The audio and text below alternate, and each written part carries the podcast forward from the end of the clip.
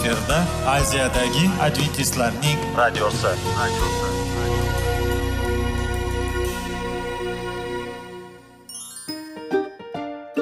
Assalomu alaykum aziz radio tinglovchilar. Sog'liq daqiqasi rubrikasiga xush kelibsiz. Zero tananing sog'lom bo'lishi va uning kasalliklardan saqlash har bir insonning burchi hisoblanadi. Inson uchun bebaho boylik bu sog'liq salomatlikdir. Uni asrash esa har birimizga omonat qilib berilgan. Shuning uchun ham inson o'z sog'lig'ini ehtiyot qilishi voajib amallardan hisoblanadi. Dono xalqimiz sog'liq tuman boylik deb bejiz aytmagan. Aql idroq sohibi bo'lgan inson o'z hayotini qadrlashi lozim bo'ladi. Hozirgi kunda qanchalik dori darmonlar ko'paymasin tibbiy muassa sifati shifokorlar vasiyasi tibbiy texnika yaxshilanmasin. Agar insonning o'z salomatligi haqida qayg'urmasa kutilgan natijaga erishib bo'lmaydi va biz sizlarga bizning dasturimizga xush kelibsiz deymiz.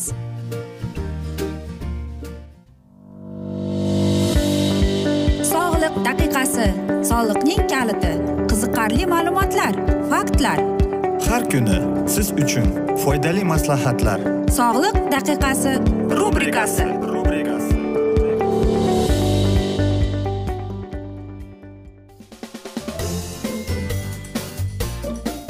assalomu alaykum aziz radio tinglovchilar. Dasturimizga xush kelibsiz va biz sizlar bilan besh daqiqa sog'liq uchun deb atalgan dasturda xushvaqt bo'ling deb aytamiz. Va dasturlarimizni boshlashdan avval sizlarga aytib o'tmoqchi edikki agar sizlarni dastur davomimizda savollaringiz tug'ilsa unda whatsapp orqali biz bilan aloqaga chiqishingiz mumkin. Bizning whatsapp raqamimiz plyus bir uch yuz bir yetti yuz oltmish oltmish yetmish aziz do'stlar. Va bugungi bizning dasturimizning mavzusi ovqatimiz qanday hazm bo'ladi deb ataladi. Biz albatta ovqatning mana shu ratsionimizdagi sostavini ko'rmaymiz to'g'rimi? Undagi bo'lgan beloklar bo'lishi kerak. Yog'lar uglevodlar hisoblanadi. Lekin har bir yegan ovqatimiz bizga kuch quvvat berarmikin degan savol keladi. Ha albatta agar har bir komponent deyapti olimlar aytadi har bir komponent o'ziga yarasha bizning organizmimizda hazm qilinadi deydi. Beloklar yog'lar uglevodlar qanday qilib e, u iste'mol qilsa bo'ladimi? Bilasizmi? Albatta buni aytaylikki uncha muncha odam qo'llamaydi. Nega desangiz asosiy e, bizning ovqatimizning ratsioni bu belok uglevod va albatta mana shunday kaloriya bo'lishi kerak. Va qarangki agar siz faqatgina uglevoddan turgan ovqat iste'mol qilsangiz unda sizda faqatgina kraxmal bo'ladi. Va unda siz faqatgina shirinlik iste'mol qilishingiz bo'ladi. Va eng beloklardan turgan ovqat bu faqatgina tuxumning oqidir. Har bir qoshiqda yog' albatta qarang yog'li ovqat iste'mol qilganimizda biz, biz har safar yog'ni iste'mol qilayotgan bo'lamiz ekan. Qanday qilib biz ovqat iste'mol qilishimiz kerakki? Bizning oshqozonimizga bizning organizmimizga og'irlik qilmasdan iste'mol qilishimiz kerak deymizmi? Bu ovqat hazm bo'lish bu albatta bir o'zicha bir protsessdir ya'ni e, bizning organizmimiz beloklarni ajratadi kaloriyani ajratadi uglevodlarni ajratadi. Uglevodlarni glyukozaga yog'larni yog' kislotasiga beloklarni aminokislotalarga aylantiradi deydi. Va albatta bu judayam zaril deydi va eng asosiysi deydi bu hamma moddalar deyapti. Qonimizga singdirib va albatta qonimiz so'rib oladi bu narsalarni deydi. Bizning ovqatimiz nafaqat oshqozonimizda emas e, balki deydi ichak qon tomirlarimizda ham. Bu beloklarni yog'larni uglevodlarni bir yeganimizda deydi har bir komponent o'ziga tegishli narsalarni singdirib oladi deydi. Xo'sh ovqatning oziq ovqatning deyapti. Sinib e, mana shu hazm bo'lishiga kislotasi shelichning reaksiyasining ma'nosi bormi deb ko'p savol keladi. Ha albatta bo'ladi. Masalan oshqozonning o'zining kislotasi borligi uchun u o'zi ajratib o'zi chiqarib tashlaydi. E, yoki aytaylikki bu stadiyalarda deyapti reaksiyasi juda katta deydi. Oshqozonlik ya'ni e, bizning oshqozonimizdan keyin o'tganimizdan keyin aynan oshqozon yarasi nimadan kelib chiqadi? Chunki shelich e, reaksiyasi oz bo'lganligining oqibatida. Qanday qilib biz e, ovqatni qaysi turlariga bo'lsak bo'ladi deymiz? Organizmda juda ko'p e, masalan og'ir yog'larni iste'mol qilsak u og'ir hazm bo'ladi.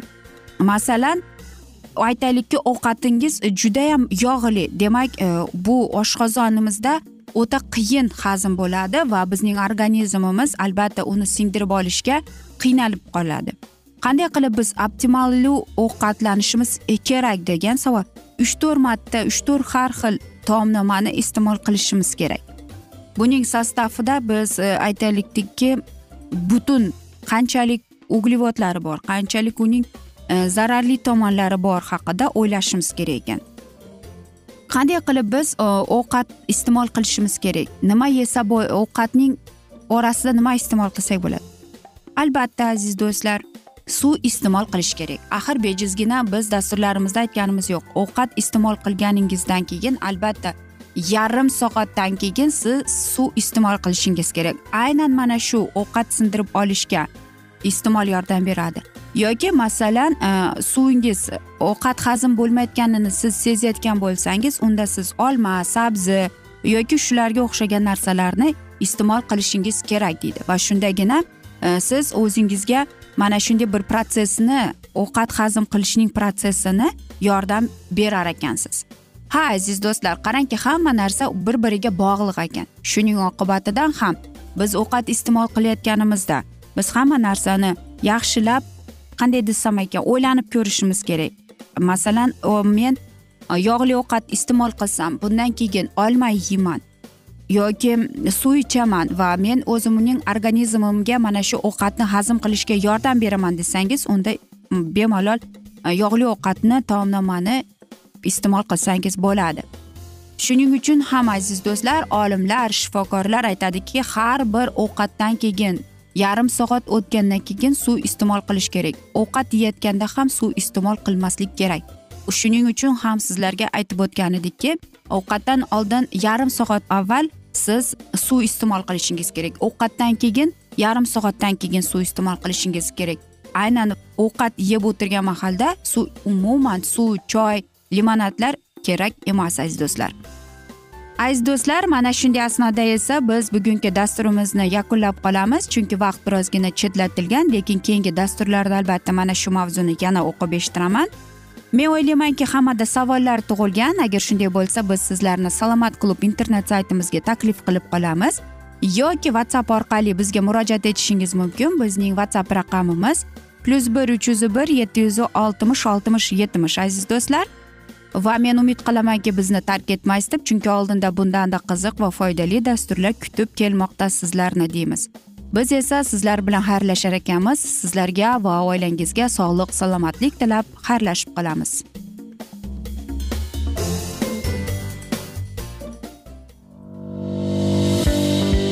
Sog'liq daqiqasi soliqning kaliti qiziqarli ma'lumotlar faktlar. Har kuni siz uchun foydali maslahatlar. Sog'liq daqiqasi rubrikasi.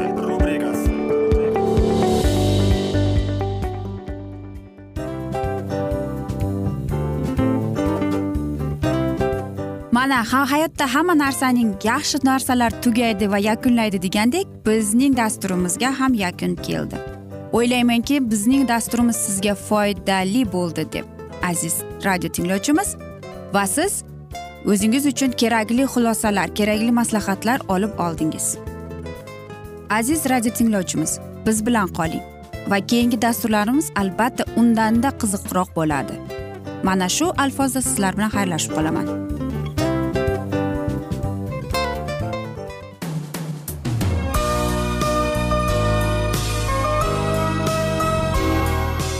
Efirda aziyadagi adventistlarning radiosi. radiosi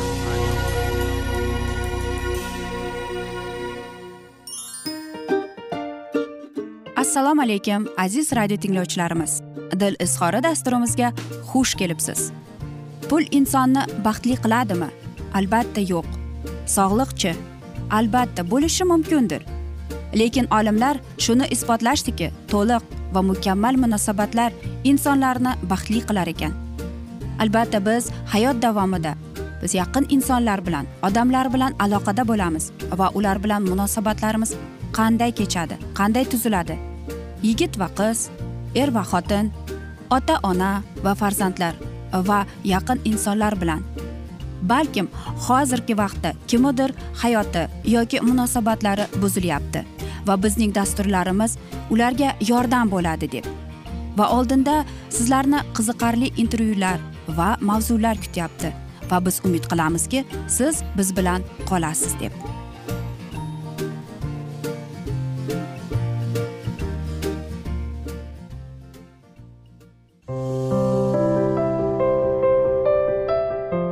Kuni har xil kasbdagi odamlar bilan sirlashish va bo'lishish sevgi rashq munosabat bularni hammasi dil izhori rubrikasida.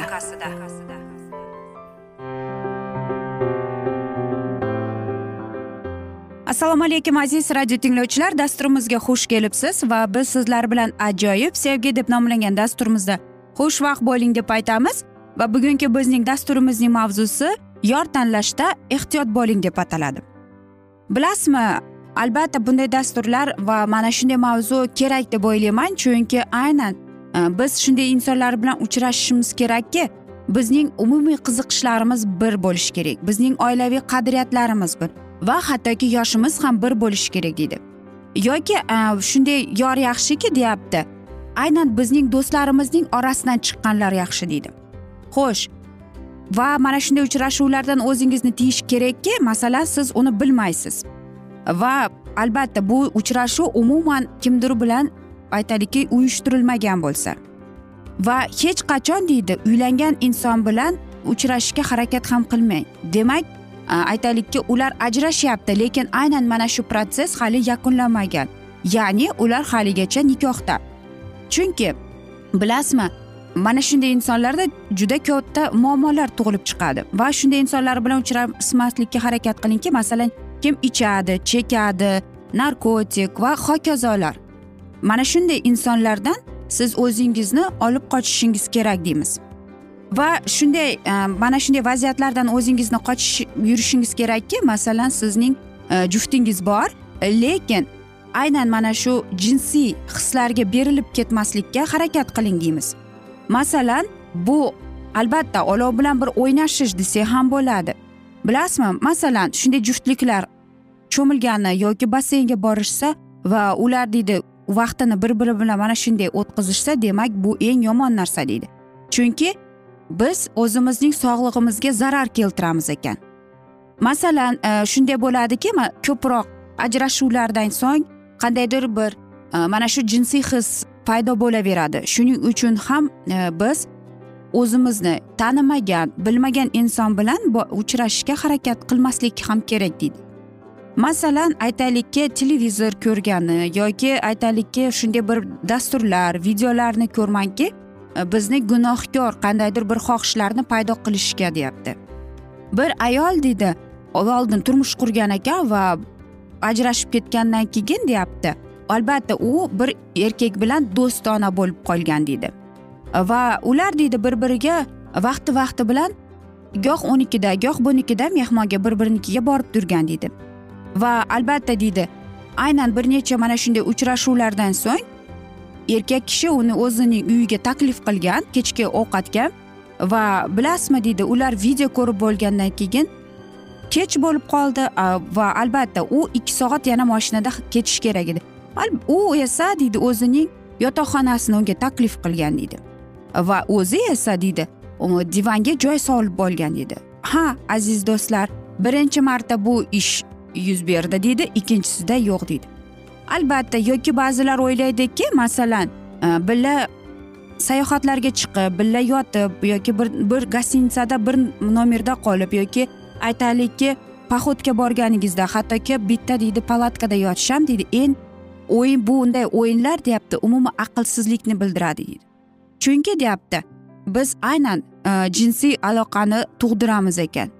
Va xudo aytadiki bizga shunday maslahat beradiki biz o'zimizni har bir yomonlikdan tiyishimiz kerak deydi. Va hech qachon biz mana shunday xohish bilan o'ynamasligimiz kerak ekan. Agar sizda biz yuqori dasturlarimizda ham aytgan edikki biz o'zimizdagi prinsip qoidalarga rioya qilishimiz kerak.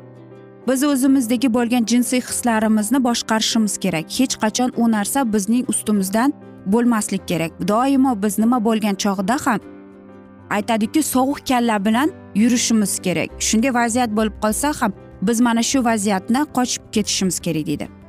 Albatta bilasizmi bunday asnoda erkaklarda ham ayollarda ham aytaylikki ular ajrashib ketgan bo'lsa bir necha oy bu narsalar paydo bo'lmaydi deydi. Faqat bir e, aytaylik ular uchrashib qolgandan keyin mana shu his yana paydo bo'ladi. Va ular nega? Chunki deydi jinsiy aloqa bilan yashamagan insonlar deydi ular mana shunday normal hayot bilan yashashmas ekan. Buni sublimatsiya deydi. Ya'ni aytaylikki inson o'zidagi bo'lgan impulslarni boshqa yo'nalishga qaratilgan. Aytaylikki u undagi jinsiy hislar paydo bo'lganda u nima qiladi? Albatta u aytaylikki sport bilan shug'ullanadi kitob o'qiydi yoki e, uy remonti bilan shug'ullanishni boshlaydi va hattoki jamiyat ishlari bilan shug'ullanishga harakat qiladi deydi. Albatta aynan jinsiy mana shu energiyasini boshqa tomonlamaga yo'llantirilib qo'yar ekan va unda mana shunday hislar va mana shunday muammolar yo'q bo'ladi ya'ni u unutib qo'yar ekan. Shuning uchun ham hattoki psixologlar aytadiki siz deydi nikohda bo'lib turib ham deydi o'zingizning jinsiy aloqalar jinsiy mana shunday xohishlaringizni boshqarish kerak. Nega deydi aynan e, shifokor homilador ayolga deyapti. E, mana shunday jinsiy aloqadan tiyilishga aytadi. Bolaning tug'ilishiga bir necha hafta qolganda va bola tug'ilgandan keyin yana bir necha hafta biz jinsiy aloqadan o'zimizni tiyishimiz kerak ekan. Albatta bu eng yaxshi chunki birinchidan onaning sog'lig'iga bu eng katta zarar. Homilador bo'lsa bolaning sog'lig'iga eng katta zarar keltiradi. Shuning uchun ham biz o'zimizning mana shunday jinsiy hislarimiz paydo bo'lganda xohishimiz paydo bo'lganda biz ibodat qilib albatta mana shunday energiyamizni boshqa tomonlamaga yo'llantirishimiz mumkin deymiz. Aziz do'stlar biz esa mana shunday asnoda bugungi dasturimizni yakunlab qolamiz chunki vaqt birozgina chetlatilgan. Lekin keyingi dasturlarda albatta mana shu mavzuni yana o'qib eshittiramiz. Umid qilaman bizni tark etmaysiz deb chunki oldinda bundanda qiziq va foydali dasturlar kutib kelmoqda deymiz. Biz esa sizlarga va oilangizga tinchlik totuvlik tilab va albatta seving seviling deb xayrlashib qolamiz.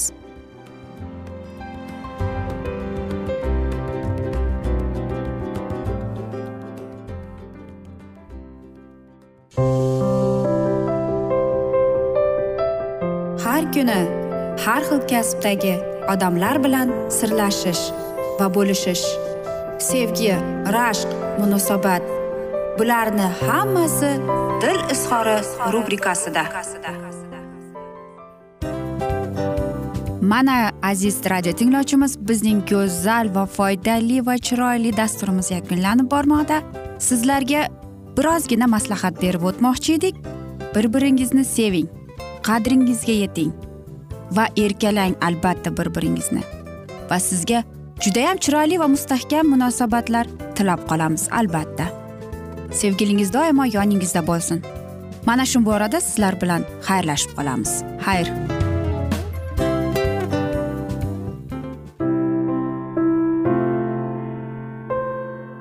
Hayotning noni. Qiziqtirgan savollar va javoblar. Buning hammasi ko'ngil uchun oziqa rubrikasida.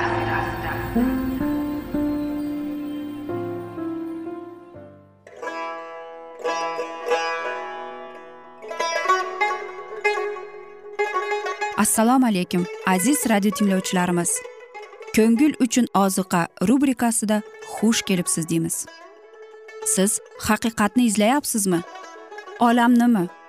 Umidnimi? Siz kimga murojaat qilmoqchisiz? Odamlar ko'pincha siyosat kuchiga tayanadilar. Dunyo iqtisodiyoti holati tobora chuqurlashib bormoqda. Tabiiy ofatlar va texnogen halokatlar minglab insonlarning hayotini olib ketib juda katta zarar yetkazmoqda. Sizga abadiy hayot inomini hadya qiluvchi va hayotingizni tubdan o'zgartiruvchi haqiqatni izlab toping.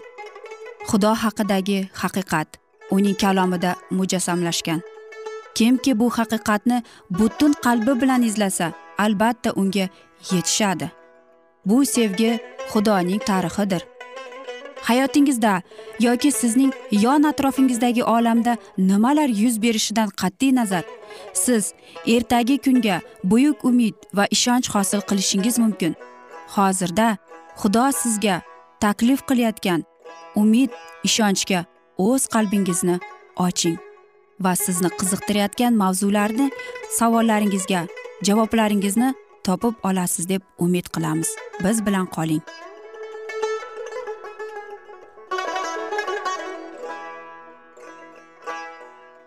Assalomu alaykum aziz radio tinglovchilar. Dasturimizga xush kelibsiz va biz sizlar bilan ulug' otalar va payg'ambarlar deb nomlangan dasturimizda xushvaqt bo'ling deb aytamiz. Va bugungi bizning dasturimizning mavzusi bu shoulning o'zligi deb ataladi va biz sizlar bilan o'tgan galgi dasturimizning mavzusini yana davom ettiramiz. Kattag'on qilish shunga olib keldiki xalq ilohiy amrni buzdi. Kuni bilan ular jang qildilar va ochdan ojizlantirdilar. Man etilish vaqt tugagan zahoti ular o'ljaga tashlandilar va go'shtni qoni bilan yedilar. Shuning bilan ular qonunni buzdilar chunki ilohiy qonunga binoan kimki qanday bo'lmasin qon yesa uning joni o'z xalqi orasidan qirilib tashlanadi deydi. Kunni jang paytida yonatan podshohning farmonini eshitmagan o'rmondan o'tib borib asal topdi va shu asaldan ozgina yedi. Kechqurun shoul buni bildi. Uning buyrug'ini bozgan o'limga loyiq deb aytganini shoul endi esa xudo ajoyib tarzda o'g'lining hayotini saqlab qolgan bo'lsada uning orqali yahudiylarni xalos etgan bo'lsada hujum bajo keltirishi lozim deb podshoh e'lon qilindi. O'g'lini ayab qoldirganida shoul o'ylamay buyruq berib gunoh qilganini tan olishga majbur bo'lardi. Shunday bo'lganiga uning mag'rurligi chiday olmasdi. Xudo menga shuni va buni qilsin va undan ko'prog'ini qilsin. Uning hukmi shunchalik vahiyli edi de sen yonatan bugun o'lishing kerak. Shoul g'alaba sharafini o'ziga ololmay qasam ichganiga rioyat qilib sharaflanmoqchi bo'ldi. Hatto o'g'lini qurbon keltirib unga tobe bo'lganlarga podshohning saltanatini ko'maklash keragini ko'rsatmoqchi bo'ldi. Shoul o'zi yaqinida galgada ilohiy buyrug'iga qarshi ruhoniy zimmasini ustiga olgan edi. Shomuil uni fosh qilganida u o'jarlik bilan o'z harakatini oqladi. Endi esa uning shaxsiy buyrug'i buzilganida mag'zi bo'lmagan buyruq haqiqatdan bilmay turib buzilgan podshoh va ota o'z o'g'liga o'limiga hukm chiqardi. Xalq hukmni tasdiqlashga ko'nmadi. Shoulning g'azabini jasurlik bilan qarshi olib odamlar deyishdi isroilga shunchalik buyuk g'alaba keltirgan yonatan o'lish kerakmi? Shunday bo'lmaydi. Xudovand tirik boshidan bir sochi ham yerga tushmaydi. Zero bugun u xudo bilan harakat qildi. Mag'rur podshoh xalqning biroz fozlik talabiga qarshi harakat qilishga qo'rqdi va yonatan hayotini saqlab qoladi. Shoul sezardi uning o'g'li unga nisbatan xalqda hurmat qilinardi va xudoga munosib kelardi. Yonatanning tirik qolishi yengiltak podshohga jiddiy taniq edi. Uning la'nati o'z boshiga tushishini sezardi. Filistikliklar bilan urushish davom etilmadi. Shoul u uyiga norozi va zulmatli qaytdi. Qilgan gunohida o'zini kechirish yoki oqlashga doimo tayyor bo'lgan zot o'zi ko'pincha eng jiddiy ravishda e, boshqalarni hukm qiladi va qoralaydi. Ko'plar shouga o'xshab o'zlariga xudoning noroziligini jalb qilishadi ammo nasihatni mensimaysdilar va fosh qilinganlarida nafratlanadilar. Hatto xudovand ular bilan bo'lmaganiga ishonganlarida ham ular baxtsizliklarning sababini o'zlarida ko'rishni xohlamaydilar. Kechdilar deydi. Mag'rurlik va o'zmamnunlikni parvarish qilib ular o'zlaridan yaxshiroq bo'lganliklariga jiddiy hukm suradilar va aybdor ko'rsatadilar. Agar shunday o'ziga ishongan hakamlar iso masih aytgan so'zlari ustidan mulohaza yuritganlarida yaxshi bo'lardi sizlar qanday hukm qilsangiz sizga ham shunday hukm o'tkaziladi. Ko'pincha o'zini yuksaltirishga intilganlar shunday holatga tushadilarki ularning haqiqiy tabiatni namoyon bo'ldi. Shoul bilan shunday bo'ldi.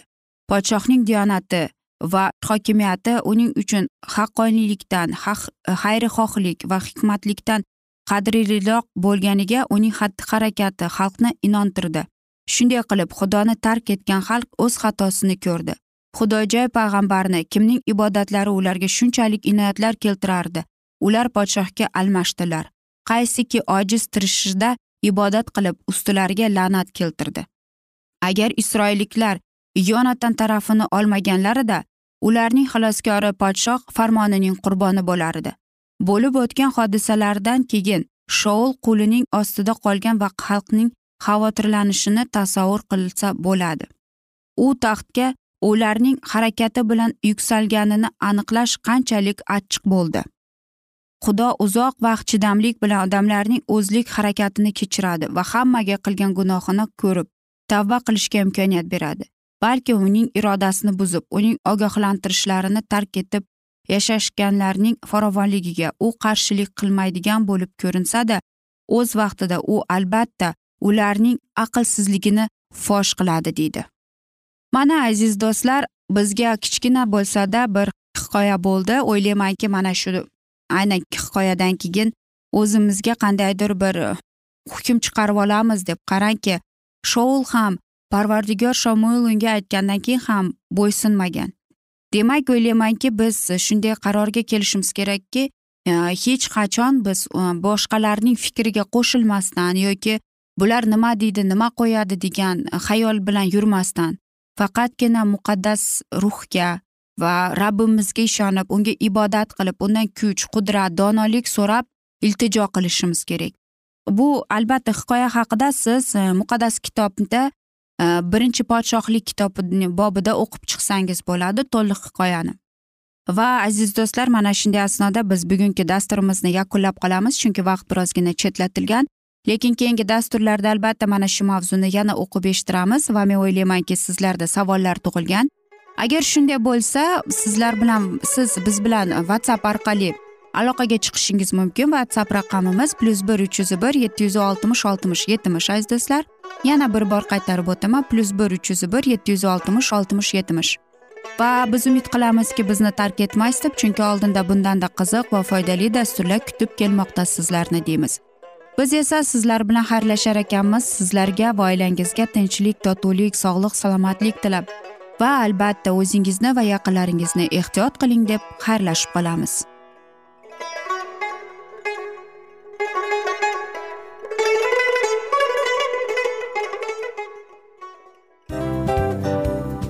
Narsaning yakuni bo'ladi degandek afsuski bizning ham dasturlarimiz yakunlanib qolyapti. Va biz o'ylaymizki bizning dasturimizdan o'zingiz uchun kerakli va foydali maslahatlar olib oldingiz. Sog'liq borasida sizga foydali maslahat berganmiz deb umid qilaman albatta. Va sizlarga mana shu borada sog'liq tilab qolaman.